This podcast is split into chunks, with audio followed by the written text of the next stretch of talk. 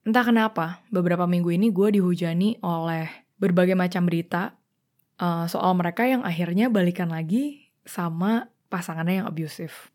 Hah, akhirnya gongnya ya uh, saat gue ngeliat berita tentang cewek di Sumatera Utara.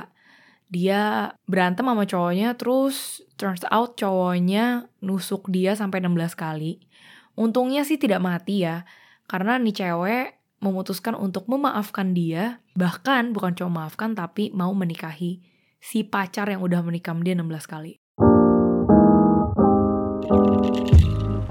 Terkadang tricky gitu ada di situasi di cycle abusive ini, especially ketika kita menjadi orang yang menyaksikan tapi nggak bisa ngapa-ngapain. Kadang kita bergelut mungkinnya dengan dengan perasaan kayak apakah gue terlalu kepo, apakah gue mendingan diem aja, apa ada yang salah di gue, apa apa gue kurang menjadi teman yang baik? Dan segala macemnya.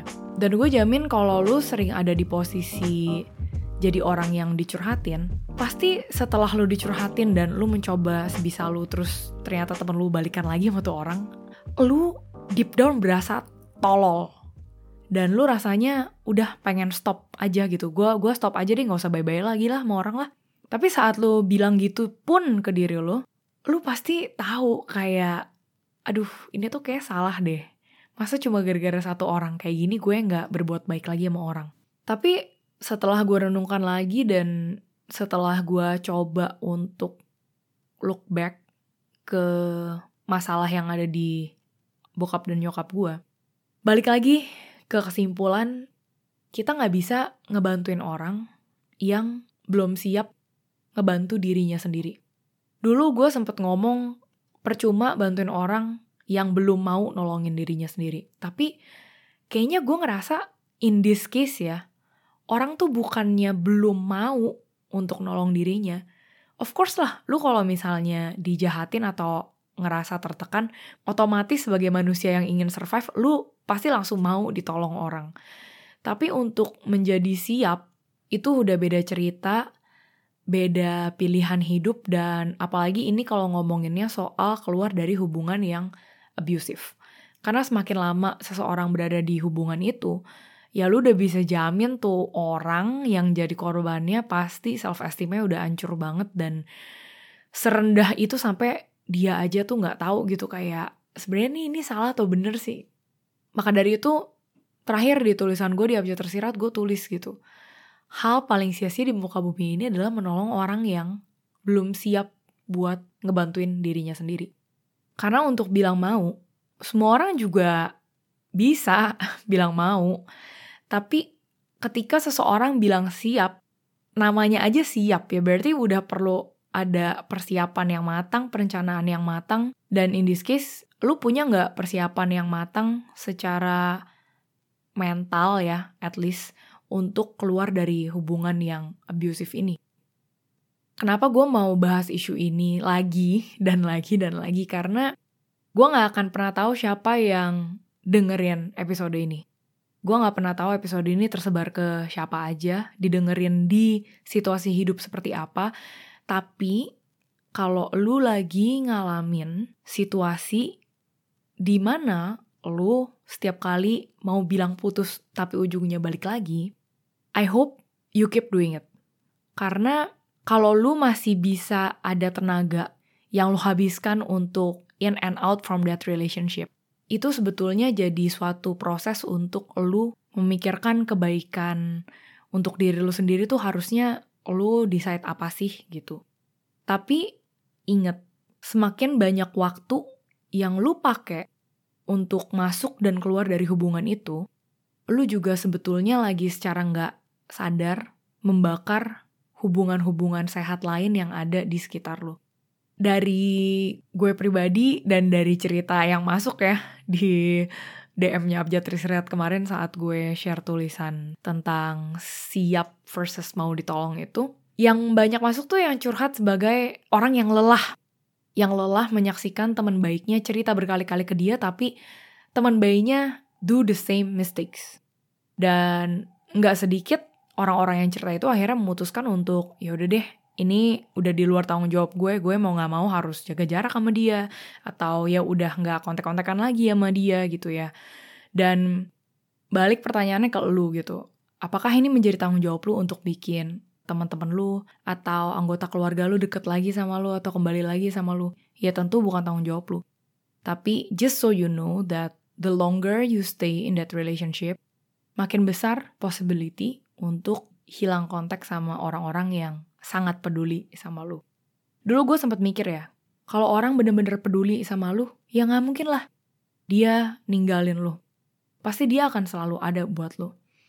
Tapi setelah gue praktekkan, mungkin aja orang-orang yang malah sangat-sangat peduli sama lu, dia in the end nyerah untuk berada bersama lu sampai ujung karena dia nggak tahan ngelihat lu digituin. Dia udah nggak tega, udah nggak kuat dengan rasa apa ya ketidakberdayaannya dia untuk membantu lu juga dan that's why ya udah deh gue mendingan uh, loving you from the distance.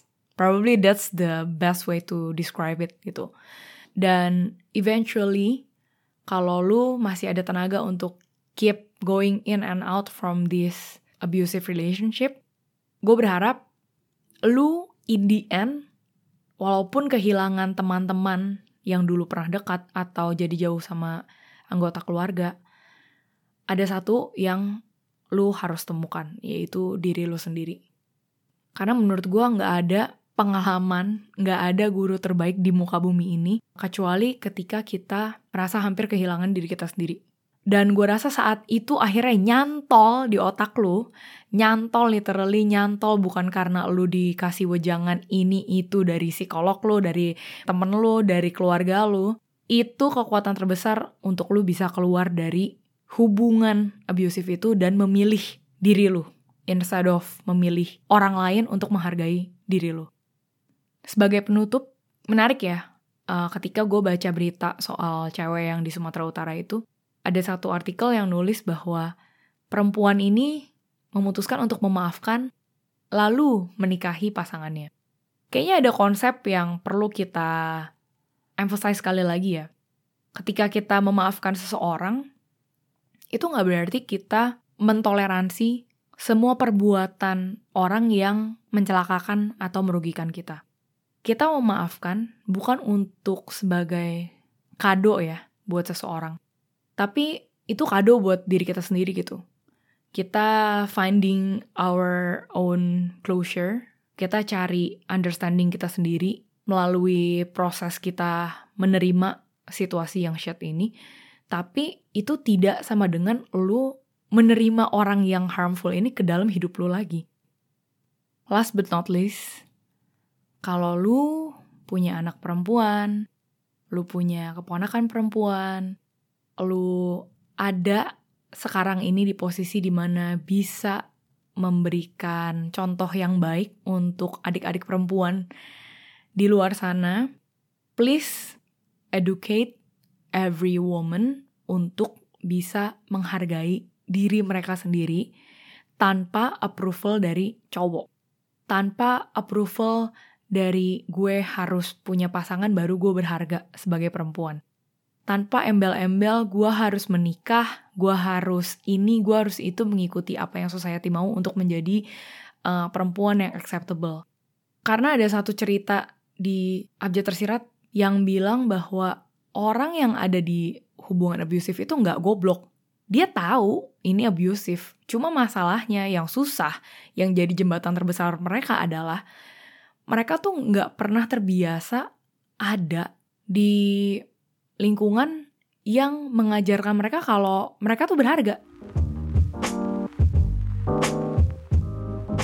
Walaupun gue menjelaskan sesuatu yang kompleks ini secara singkat, gue tetap percaya bahwa satu hal yang menyelamatkan kita dari hubungan yang abusive ini adalah diri kita sendiri. Ketika kita akhirnya punya awareness yang begitu besar, yang sekarang akhirnya sadar kalau eh gue tuh berharga dan pantas loh untuk diperlakukan dengan baik.